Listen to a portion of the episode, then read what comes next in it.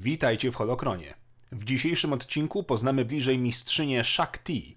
To grutankę o dość ciekawej historii i smutnym finale. Materiał dotyczyć będzie w dużej mierze legend. Zapraszam. Shakti, podobnie jak większość Jedi, została odkryta na jej rodzinnym świecie Shilli jako niemowlę, kiedy lekarze zidentyfikowali ją jako wrażliwą na moc. Zabrana do świątyni Jedi na Coruscant, T wstąpiła do tamtejszej akademii i spędziła następną dekadę na studiowaniu mocy i kodeksu Jedi. Po ukończeniu akademii, T została wybrana przez mistrza Jedi na padawankę i podróżowała po galaktyce, aby ukończyć szkolenie. Po przejściu jej rycerskich prób została podniesiona do rangi rycerza. Jako rycerz Shakti podążała ścieżką konsula Jedi, wzmacniając swoje połączenie z mocą i pracując w ramach Rady Pojednania. Podobnie jak wielu członkom zakonu, Ti pozwolono wrócić do swojej ojczyzny i połączyć się z jej korzeniami. Zgodnie z tradycyjnym prawem przejścia Togrutan, Ti wyśledziła i zabiła dziką bestię Akul, po czym wykonała nakrycie głowy z jej zębów. Podczas swojej wczesnej kariery Ti wzięła pod skrzydła swojego pierwszego ucznia i szkoliła go na swojej rodzinnej planecie.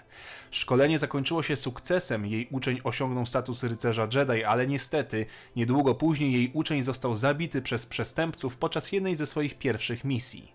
Ti, która uważała, że zawiodła swojego pierwszego ucznia, postanowiła spróbować ponownie. Wybrała Fesan na swoją kolejną uczennicę. Ponownie szkoliła swoją uczennicę podróżując po swojej rodzinnej Shili. I ponownie, jak w poprzednim przypadku, wychowała młodzika na rycerza Jedi. Mroczna ironia znów jednak dała o sobie znać. Jej druga uczennica także tragicznie zginęła z rąk morderców. Pogrążona w żalu Shakti z trudem pogodziła się z utratą uczniów. Niektórzy członkowie Wysokiej Rady zaczęli kwestionować jej metody nauczania.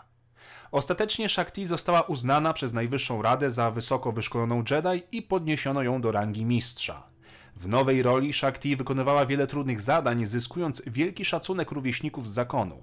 Kiedy mistrzyni Jadol zginęła podczas incydentu na Małan w 25 roku przed bitwą o Jawin, mistrzyni Shakti została nominowana na jej miejsce. Dwa lata później, gdy napięcia między Republiką a Konfederacją Niezależnych Systemów groziły podzieleniem galaktyki na dwie części, kultystka Sithów Granta Omega, morderczyni mistrzyni Jadol, powróciła i zaaranżowała spisek zamachu na najwyższego kanclerza Palpatina. Wraz z mistrzem Colemanem Treborem i kilkoma innymi Jedi, Shakti broniła kanclerza, udaremniając spisek. W 22 roku przed bitwą o Jawin Ti stacjonowała na Coruscant. Gdy podjęto próbę zamachu na życie senator Padme Amidali na Nabu, Rada wyznaczyła odpowiednich Jedi do zajęcia się sprawą. Shakti natomiast kolejne dni spędzała na studiach i badaniach w świątyni, spędzając wiele godzin w archiwach Jedi. Podczas wojen klonów mistrzyni brała udział w kilku ważnych bitwach, m.in. w bitwie o Geonosis, pełniła także służbę na Kamino, by potem ponownie walczyć w bitwie o Hypori oraz Brental 4 i paru innych. O tych i innych wydarzeniach z tego wojennego okresu dowiecie się więcej z komiksu pod tytułem Jedi Shakti oraz animacji takich jak Wojny Klonów autorstwa Tartakowskiego, czy też z książki Ucieczka z Dagu oraz Labirynt Zła. Wojna powoli dobiegała ku końcowi. Rada zdecydowała, że nadszedł czas na usunięcie kanclerza ze stanowiska. Generał Grievous oraz hrabia Duku byli już martwi. Kiedy mistrz Windu opuścił świątynię wraz z trzema innymi członkami Rady, Ti została wyznaczona do przyłączenia się do strażnika bramy, Jurokka, by bronić świątyni i dzieci. Ti zaczęła medytować przed drzwiami wejściowymi do hangarów w wieży Wysokiej Rady. Przerywając jej trans, Anakin Skywalker zażądał, by przepuściła go do hangarów, aby mógł udać się do biura kanclerza. Wierząc, że zamierza pomóc Windu pokonać Sita, Ti przepuściła go przed udaniem się do swojej kwatery.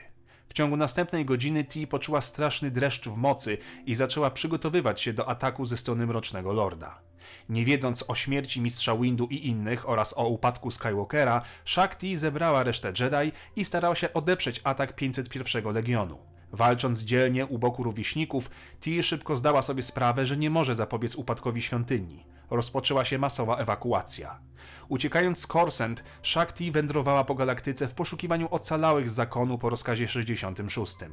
Mistrzyni była jednym z ostatnich znanych członków Wysokiej Rady Jedi, którzy przeżyli rozkaz. Jedynymi pozostałymi byli Yoda, Obi-Wan Kenobi i technicznie rzecz biorąc Anakin Skywalker, teraz już Darth Vader.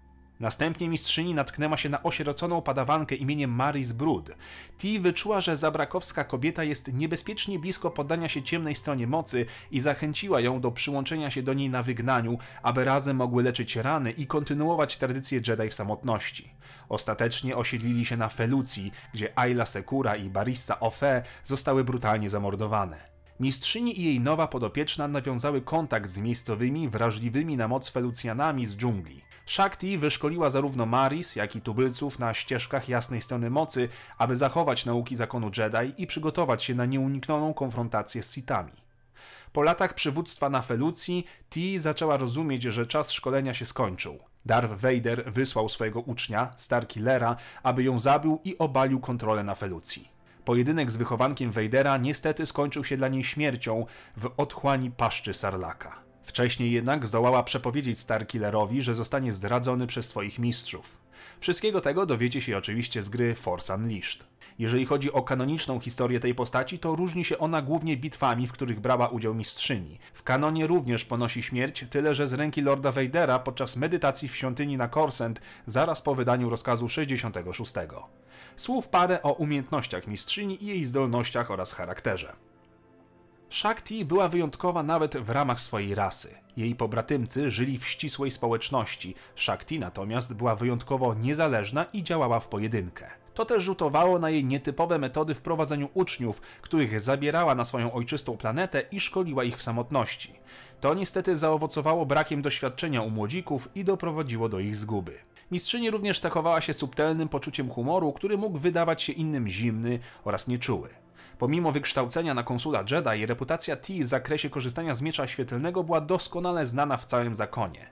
Niezależnie jednak od swojej reputacji, Shakti pozostawała pokorna i wolała walczyć słowami, a nie mieczem. Będąc członkiem Wysokiej Rady, często milczała, rozmyślając nad słowami swoich rówieśników i od czasu do czasu wtrącając do dyskusji kilka delikatnych słów. Mistrzynię uważano za legendarną w potędze mocy, była też uważana za jednego z najlepszych i najbardziej przebiegłych szermierzy swoich czasów. Była wyszkolona we wszystkich formach walki na miecze świetlne, szczególnie w formie Makashi i Ataru. Jej talent był porównywany z umiejętnościami hrabiego Duku. Była również dobrze zorientowana w walce z dwoma ostrzami, czego dała popis podczas starcia z Magna Gardami Grievousa. Jednym z największych darów T była jej zdolność do głębszego obcowania z naturą niż większość Jedi tamtej epoki.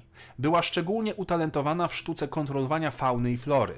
Ponadto mistrzyni była w stanie zmienić otoczenie, powodując gęste mgły, niszcząc wrogów potężnymi wichrami i zamrażając powierzchnię zbiorników wodnych. Shakti była również zdolna do używania telekinezy, a jej talent w tym zakresie był chwalony nawet przez mistrza Plo Koona. To tyle w temacie tej mistrzyni. Dajcie znać, o kim chcecie, bym zrobił kolejny odcinek. Dziękuję Wam za oglądanie, dziękuję patronom za wsparcie i zachęcam do zostania jednym z nich. Komentarze mile widziane, wpadajcie na Discorda i niech moc zawsze będzie z Wami.